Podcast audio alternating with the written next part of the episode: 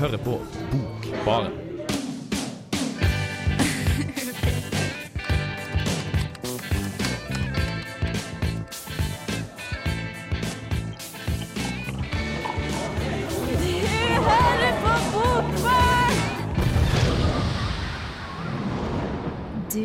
Hører på Bokbarn, og i kveld så har Ingrid tatt med seg Kjersti Anfinsens 'Det var grønt'. Ikke sant, Ingrid? Ja, det har jeg. Hva syns du om den? Bare sånn eh, veldig kort. Veldig, veldig kort. Um, jeg likte den, absolutt. Det var en, eh, en interessant bok om et interessant menneske som eh, ja, som leter litt etter følelsene i sin egen kropp.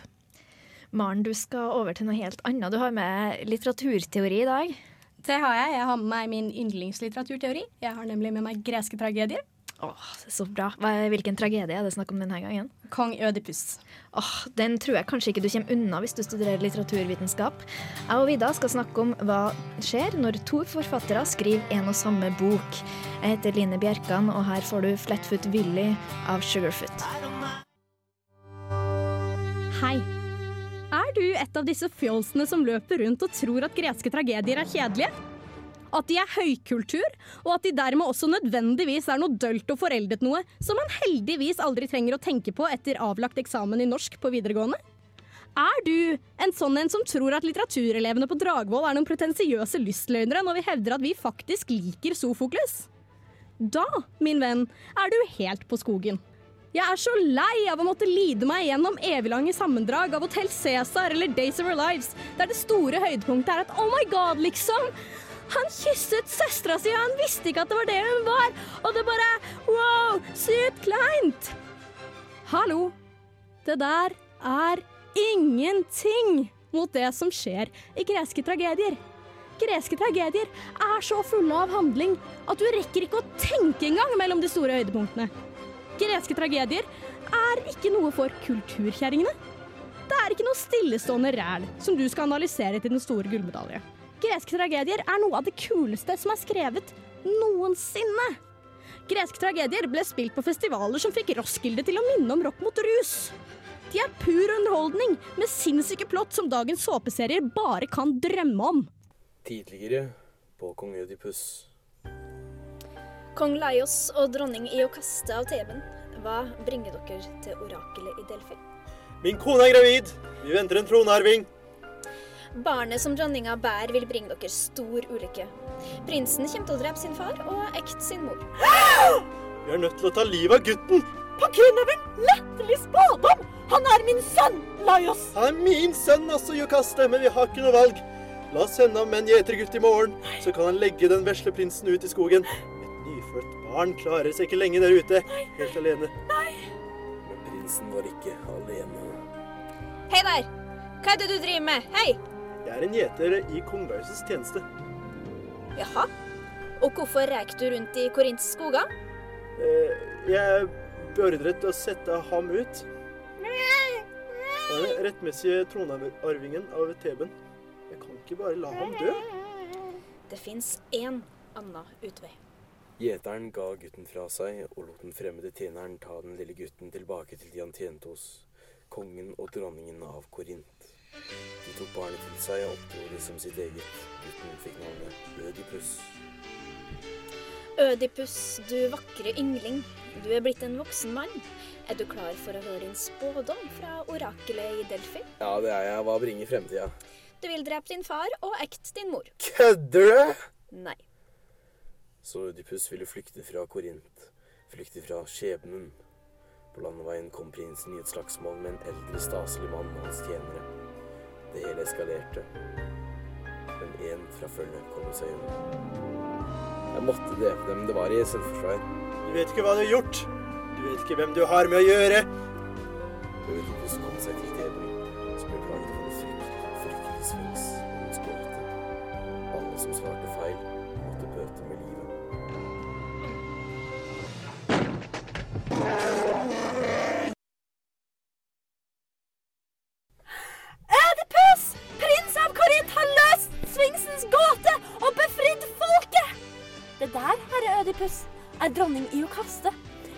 hennes ble nylig drept på landeveien av en ukjent gjerningsmann. Så nå har hun enke. En veldig takknemlig enke. Wow, for en milf.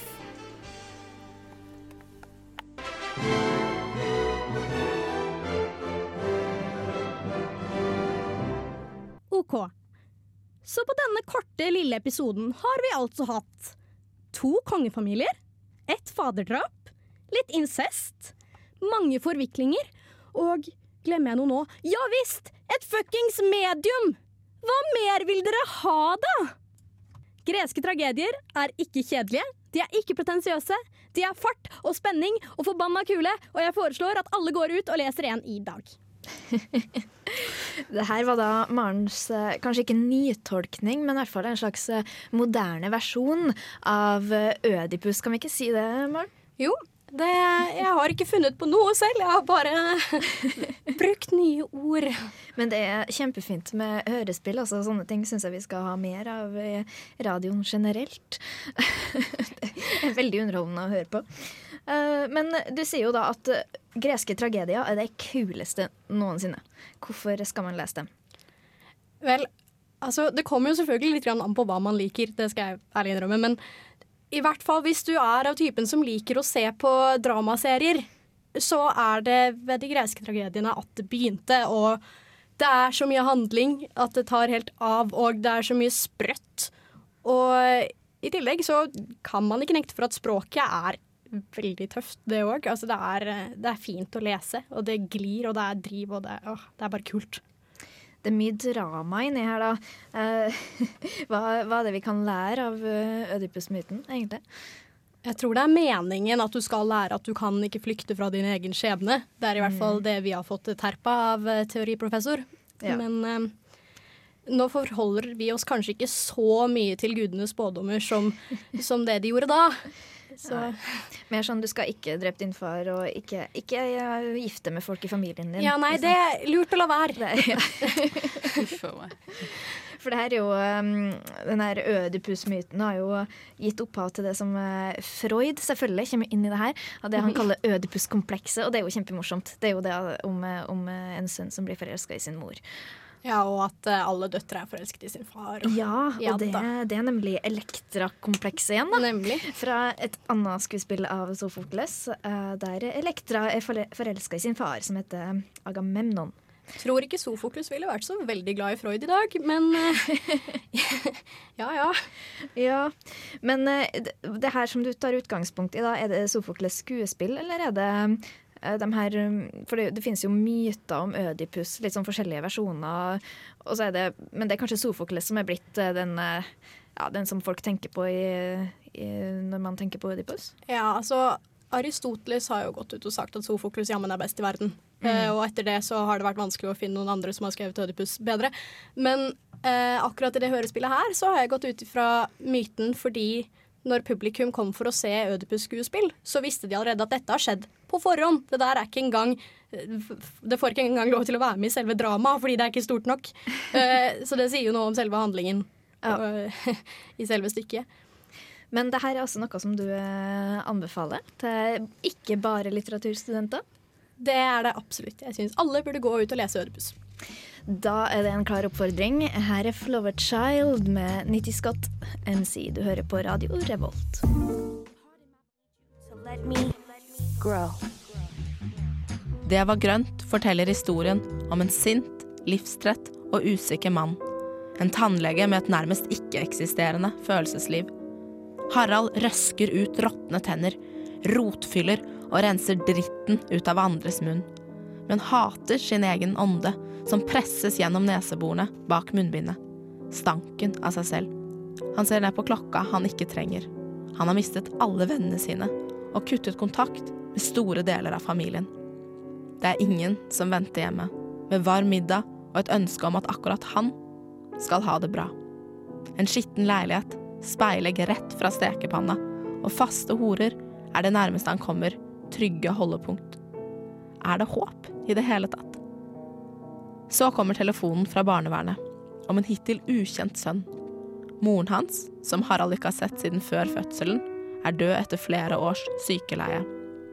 Barnevernet stiller seg tvilende til at han skal overta foreldreansvaret.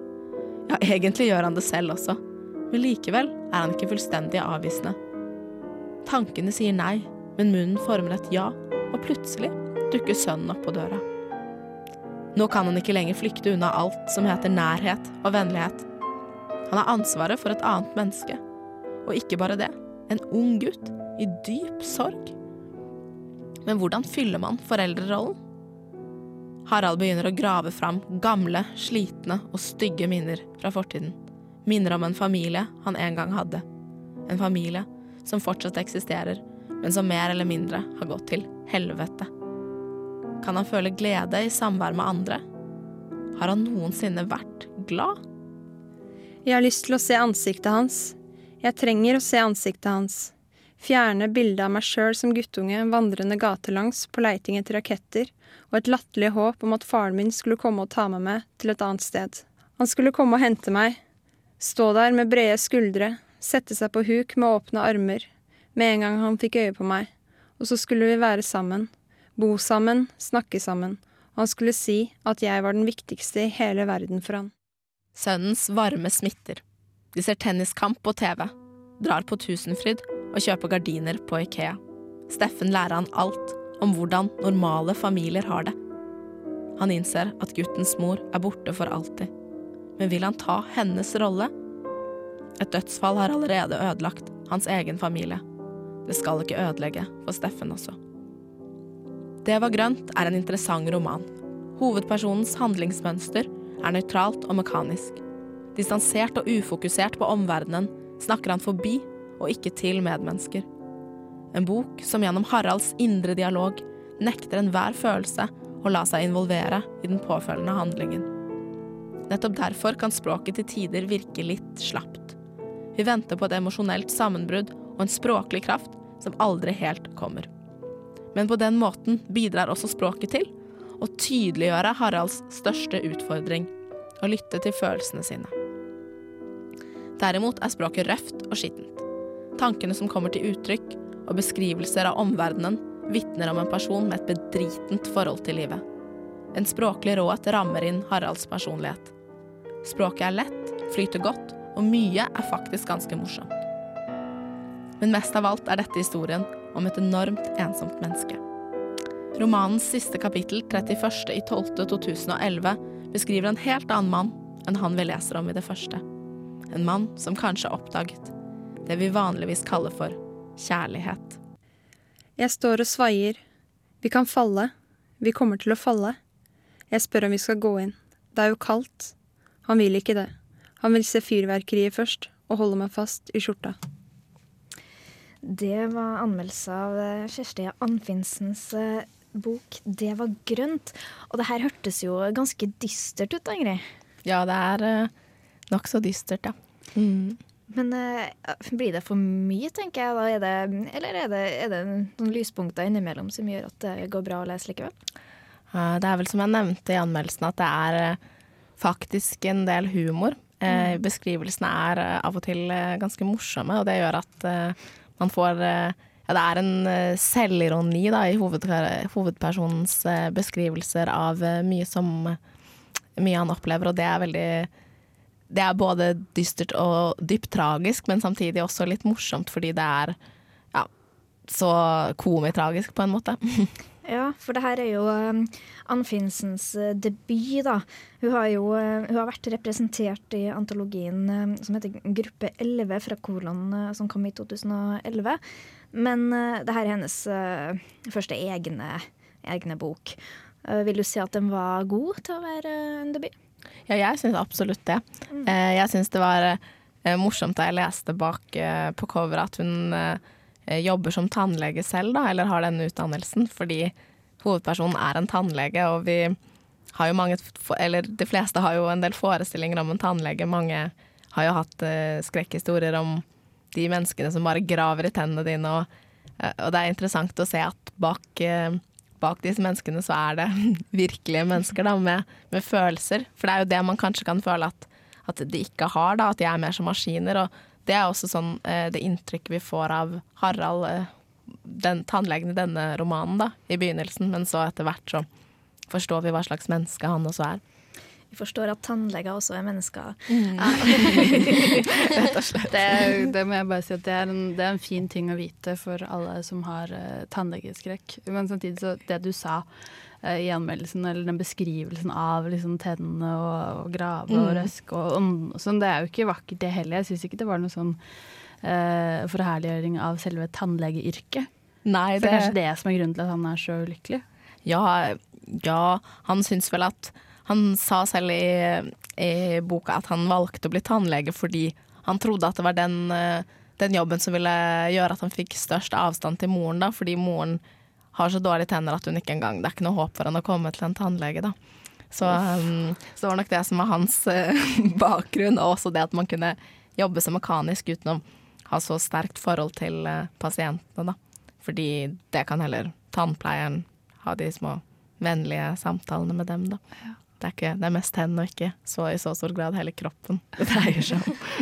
Det er veldig fin. Det som jeg syns var interessant, er, tittelen egentlig på denne boka. eh, For det var grønt. Og så tenker jeg sånn, ja, det er grønnere på andre sida av gjerdet, eller at ting var så mye bedre før. Og eh, sånn som jeg har forstått det, så går han her hovedpersonen tilbake til sin egen barndom når han får besøk av den her ukjente sønnen, da.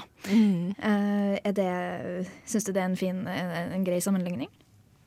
Um, ja, det, det er, veldig, er veldig sant. Eh, den setningen som tittelen refereres til, em, hadde jeg i utgangspunktet tenkt å kanskje ta med, men eh, så vil jeg heller at det skal være opp til eh, Det er viktig i Når hovedpersonen skal finne seg selv, så er det en viktig setning um, som jeg tror at når man leser romanen selv, så finner man ut av ja, så oppdager man den setningen selv et sted, og det, det vil jeg ikke avsløre, da. For det er, eh, det er fint å finne ut av selv. Da finner man eh, hovedpersonens historie. Hovedpersonen, hvorfor han er som han er.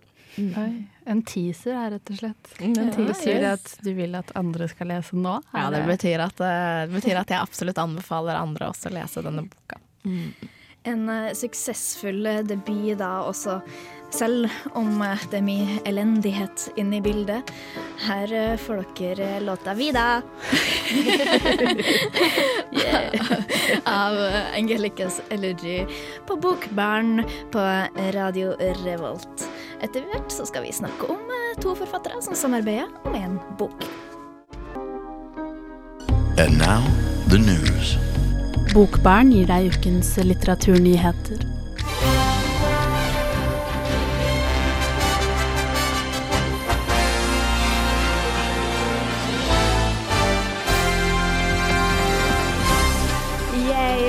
Nyheter, ny spalte. Det er Vida sin. Kjempebra. Det er vår spalte. Vi er et kollektiv her i Bokbarna også, det må jeg bare få undersøke. Ja. Denne gangen så er det jo Litteraturhuset i Trondheim som står på agendaen. Fordi at i dag så er det rådmannen sitt forslag som skal behandles. Og det er jo et elendig forslag. Eh, kan du oppsummere det kort, Vida? Eh, hva sa du akkurat nå? Jo, det er jo eh, planer om et nytt litteraturhus i Trondheim, og det er jo alle veldig veldig glade for. Men så er det jo et problem å finne hvor det skal ligge. Og her aner vi da økonomiske hensyn som eh, ligger og ulmer i bakgrunnen. Og vi er selvfølgelig imot å ta økonomiske hensyn, både i privatlivet og i det offentlige rom. Veldig. Og vil at det skal være i den store, fine Huitfeldtgården. Ja, Ja. der vil vi at det skal være. For det andre forslaget er Det er inne i biblioteket, og det sier seg jo sjøl at du kan ikke putte et litteraturhus inn i et bibliotek. Eh, Det er størrelse her som det er snakk om, og det å ha en egen Kanskje to rom da, i biblioteket, det blir litt sånn eh, smålig.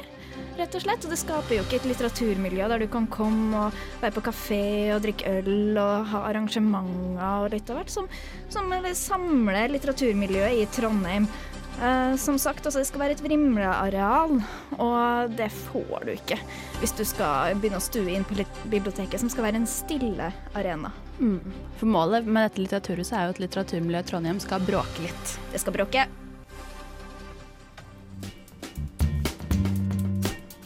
Hei, jeg heter Arild Wange og hører på Bokbaren hver tirsdag for å holde meg oppdatert på hva som skjer i litteraturen her til lands og ellers i verden.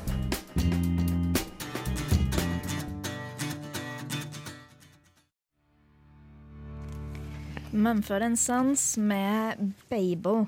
Vi skal gå over til noe som kanskje er en ny trend. I hvert fall så er det mange tekstkollektiv som eh, oppstår nå for tida. eh, Der eh, forfattere går sammen om å skrive bøker.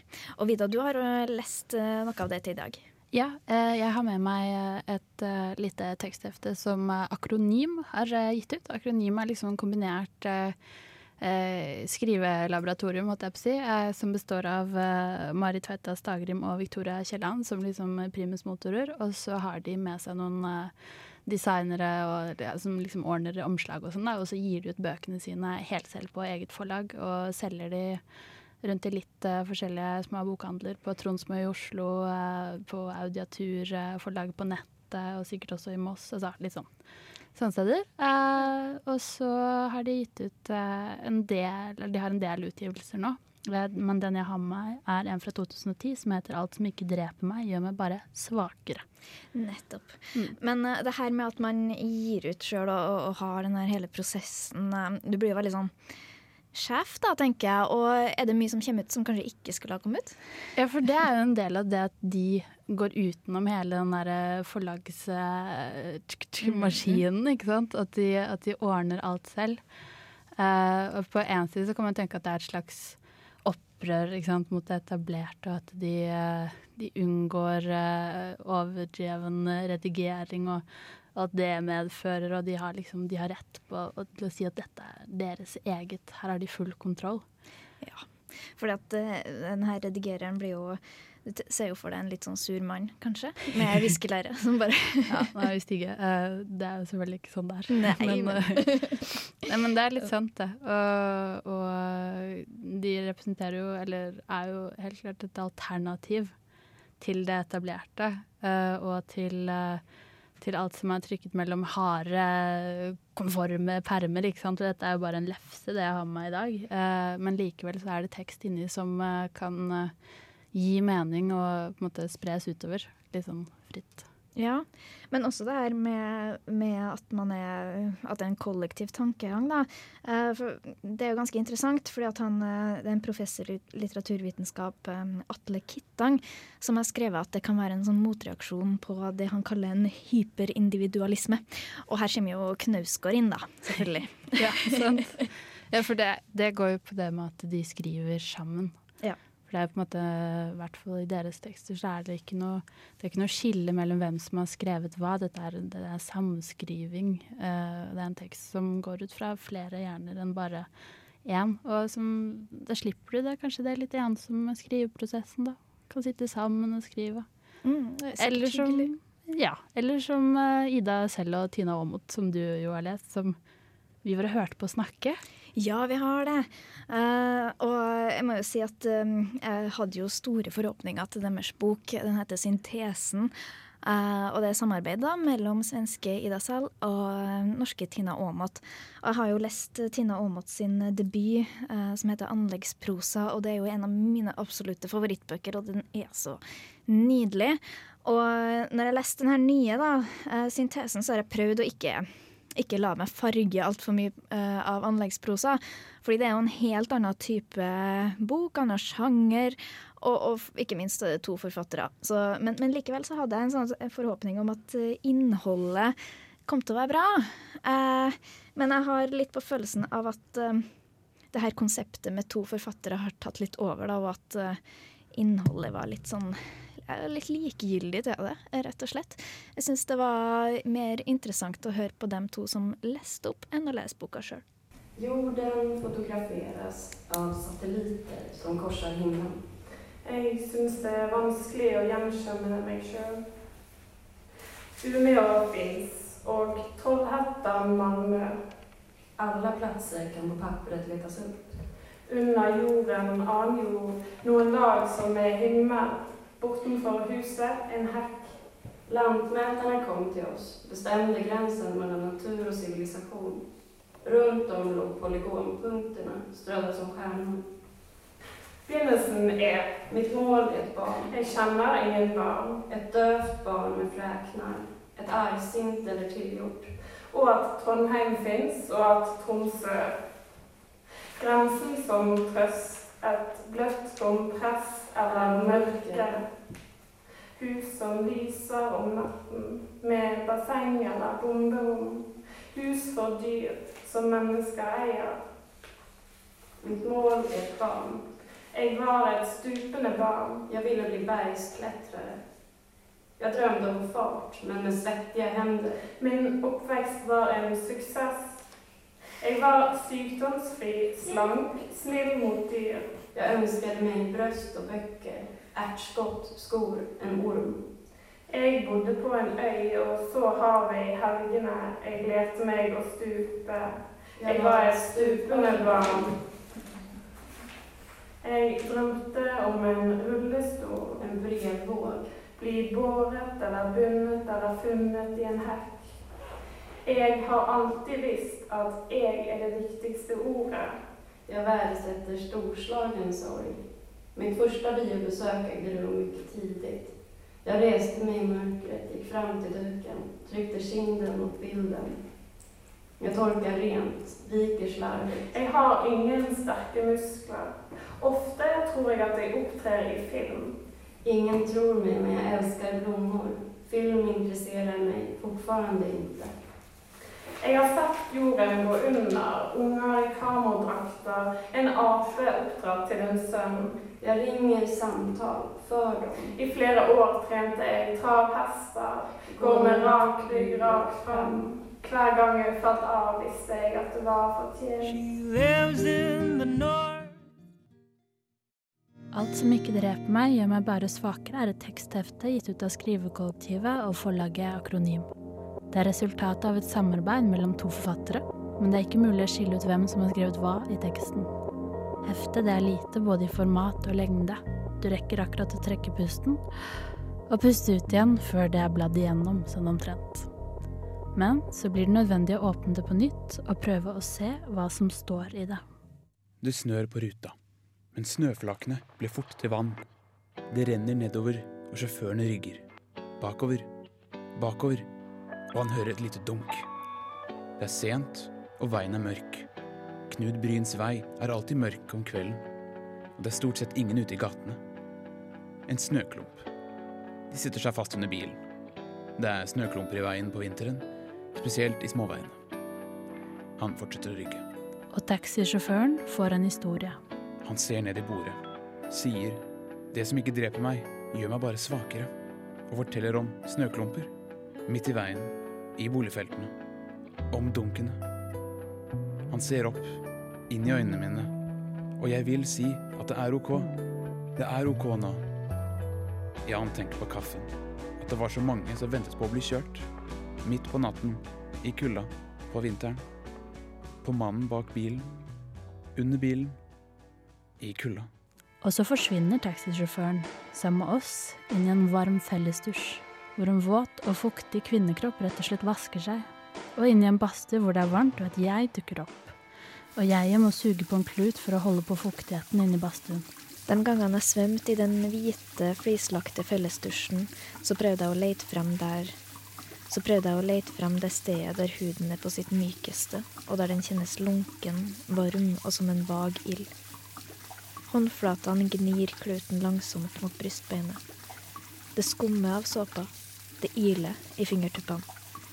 Banker svakt, og såpa glir lydløst vekk. Tunga leter rolig. Presser leppene mykt mot eh, halsen din. Men her gjelder det å med en gang kvele alle tanker om at akkurat det jeg hørte nå, var en litt lunken blanding av Kvinne kjenn kropp og Cupido. Men det er forresten kanskje ikke lov å si. Det er det dette handler om, på en måte, for akronym balanserer på en knivsekk av ikke fullt utskrevne klisjeer, og kanskje til og med tabuer, og minner om at noe som er intimt, kan beskrives.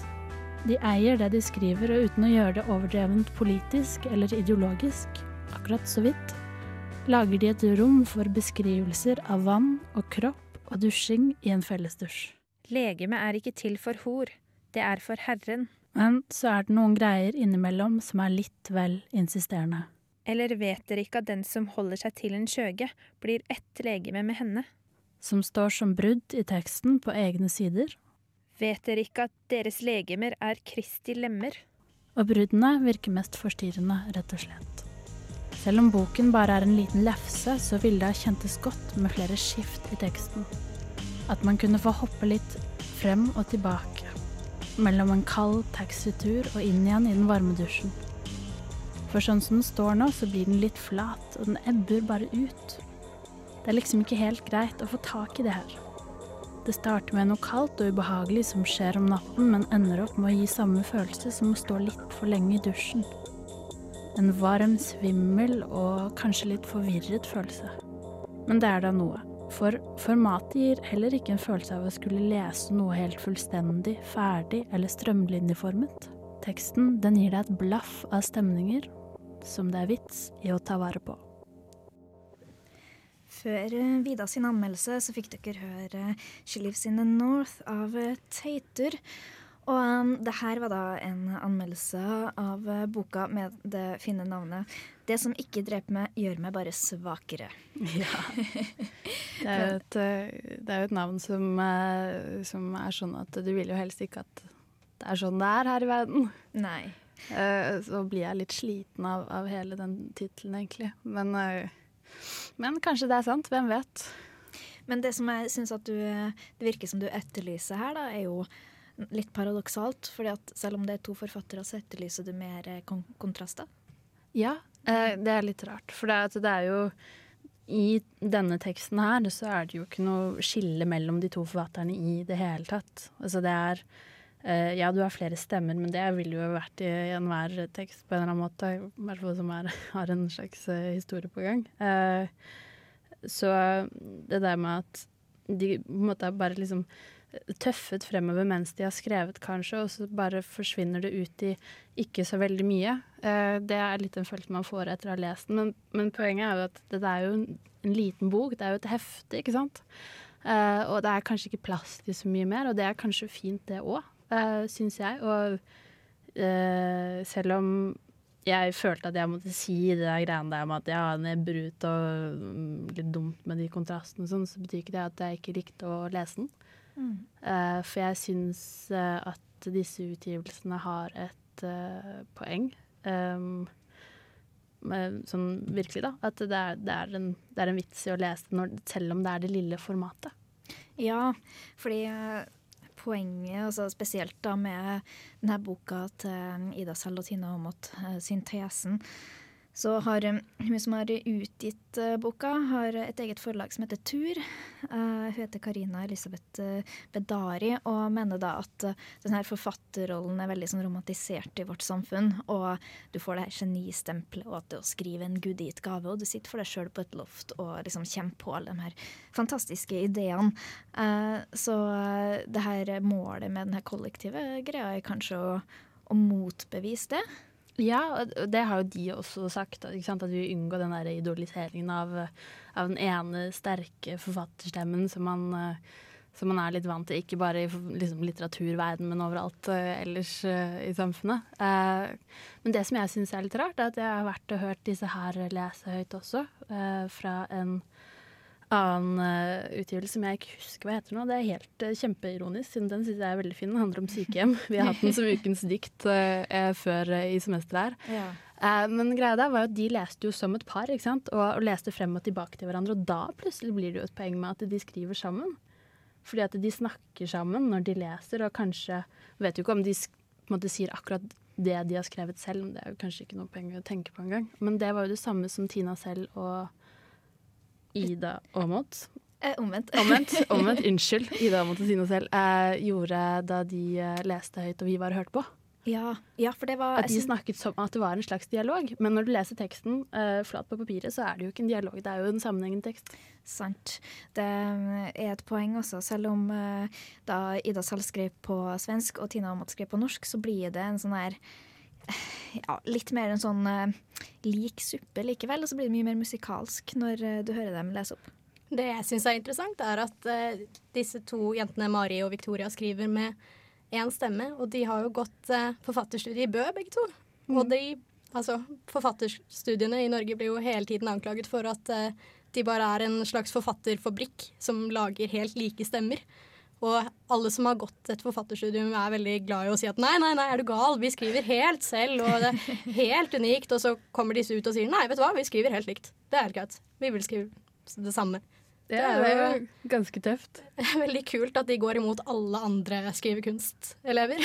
Ja, men det er akkurat det de gjør. Da, at de Mhm. sier at nei, vi er litt annerledes enn de andre skrivekunstelevene. Vi vil skrive sammen, vi. Vi er annerledes fra de andre som er annerledes. Ja, alle individualister. Ja. Akkurat det. Men jeg, jeg syns det er veldig interessant. Men det er jo noe med måte, litteraturutdanning som institusjon, da. At det på en måte ikke er noen tradisjon for det i, i Norge eller sånn generelt. At ja, du kan ha litteraturteori og lære deg å, å lese godt, men, eh, men det å skrive, det er liksom Nei, det må du finne ut sjæl. Ja, for det, det er jo ikke så veldig mange skrivestudier, enda så mange som går rundt og sier at når jeg blir stor, skal jeg skrive en bok. Uh, så det Nei, så er det jo den kritikken om at alle ender opp med å skrive på, på lik måte. Men ja. har du følt på det? Når du Eh, nei, for jeg gikk jo forfatterstudiet i Bø i fjor. Og jeg Altså, å gud, dette blir jo klisjé, men jeg føler jo at jeg er unik. Eh, nei, det gjør jeg absolutt ikke. Men jeg, jeg syns oppriktig talt at uh, klassen endte ikke opp med å alle sammen skrive den samme teksten om på en måte en vond barndom og aids og vi alle sammen dør. På en måte. Det, det ble på en måte ikke den samme teksten som jeg var litt redd for på forhånd at vi alle sammen kom til å ende opp med. Nei, og selvfølgelig ikke, liksom. Man er jo Nei. forskjellige mennesker. Hva Det er veldig, altså Vi har forskjellig språk og vi har forskjellige assosiasjoner til alt. Så jeg syns det er veldig imponerende at disse har klart å skrive en tekst sammen hvor man ikke instinktivt merker at sånn Oi, det her. Fordi altså, selv om vi ikke nødvendigvis skrev navn på tekstene våre på studiene i fjor, så var det jo veldig fort å se hvem som hadde skrevet hva, for stemmene er så tydelige. Men det er jo eh, jeg håper å si, eh, Nå har jo Akronium kommet med noen nye utgivelser. eh, I forrige uke, rett og slett. Ja, det stemmer. Eh, for vi er jo litt utdaterte her oppe i Trondheim for denne boken som jeg har snakket om i dag. Den er jo fra 2010. Eh, men altså forrige uke nye utgivelser fra Akronym, og da er det enda en. Ja, det stemmer. Unnveig Aas, som gikk forfatterstudiet i Bø, og som nå går Skrivekunstakademiet i Bergen. Eh, Dobbelt opp, altså. Ja, så å nei, nå kommer hun til å være lik to klasser. Du skriver helt likt som to sånn 40 elever. Det blir kjempevanskelig. Det er sykt. ja. Ah, galskapen sprer seg! Det kan jo hende at det finnes en sånn mellomting her, da. Så jeg tenker mulig.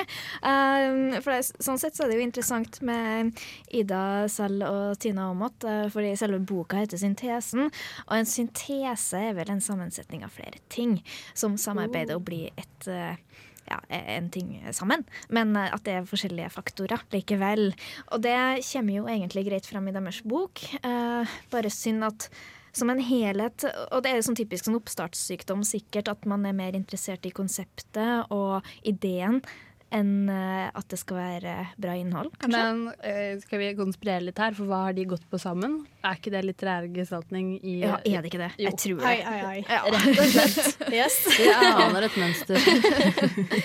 Det er, kanskje vi rett og slett trenger noen av forfatterne som sitter alene på et mørkt loft og finner på egne ideer sammen. Ja. Eh, med alle andre. Eller så trenger vi snekkeren som skriver en bok sammen med barnehageassistenten. det gleder jeg meg til. Det blir bra. Godt poeng. Hi, I'm David Van, Radio Revolt, Trondheim. Cat Power hadde låta 'Silent Machine'.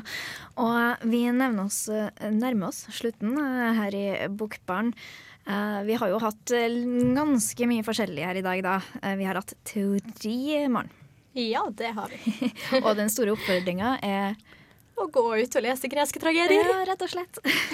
Eller se Troja med Brad Pitt. Det har jeg tenkt å gjøre. Ja, det er også Ah, nei, backfire! Du vet at du kan lese Iliaden? Jeg bare nevner det. her. Fordi Er det en bok?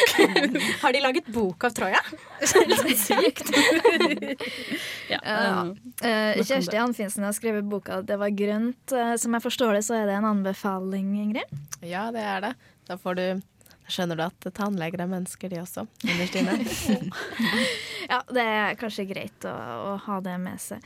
Vi har snakka om eh, hva som skjer når eh, to forfattere blir én, skal jeg til å si. det vil jeg ikke vite. Men det er jo litt det, da. Um, det er jo Victoria Kielland og Mari Tveita Stagrim som har skrevet boka 'Det som ikke dreper meg, gjør meg svakere'. Var det? Bare svakere. Ja, bare svakere. Ja, uff. Det er liksom, her, her prøver vi å være original, og så fungerer det kanskje ikke. Jo da, jeg er ikke så streng. Jeg er ikke så streng. Jeg er pro eh, akronym eh, på en eller annen måte, men eh, med hermetegn noen ganger. Oi, ja.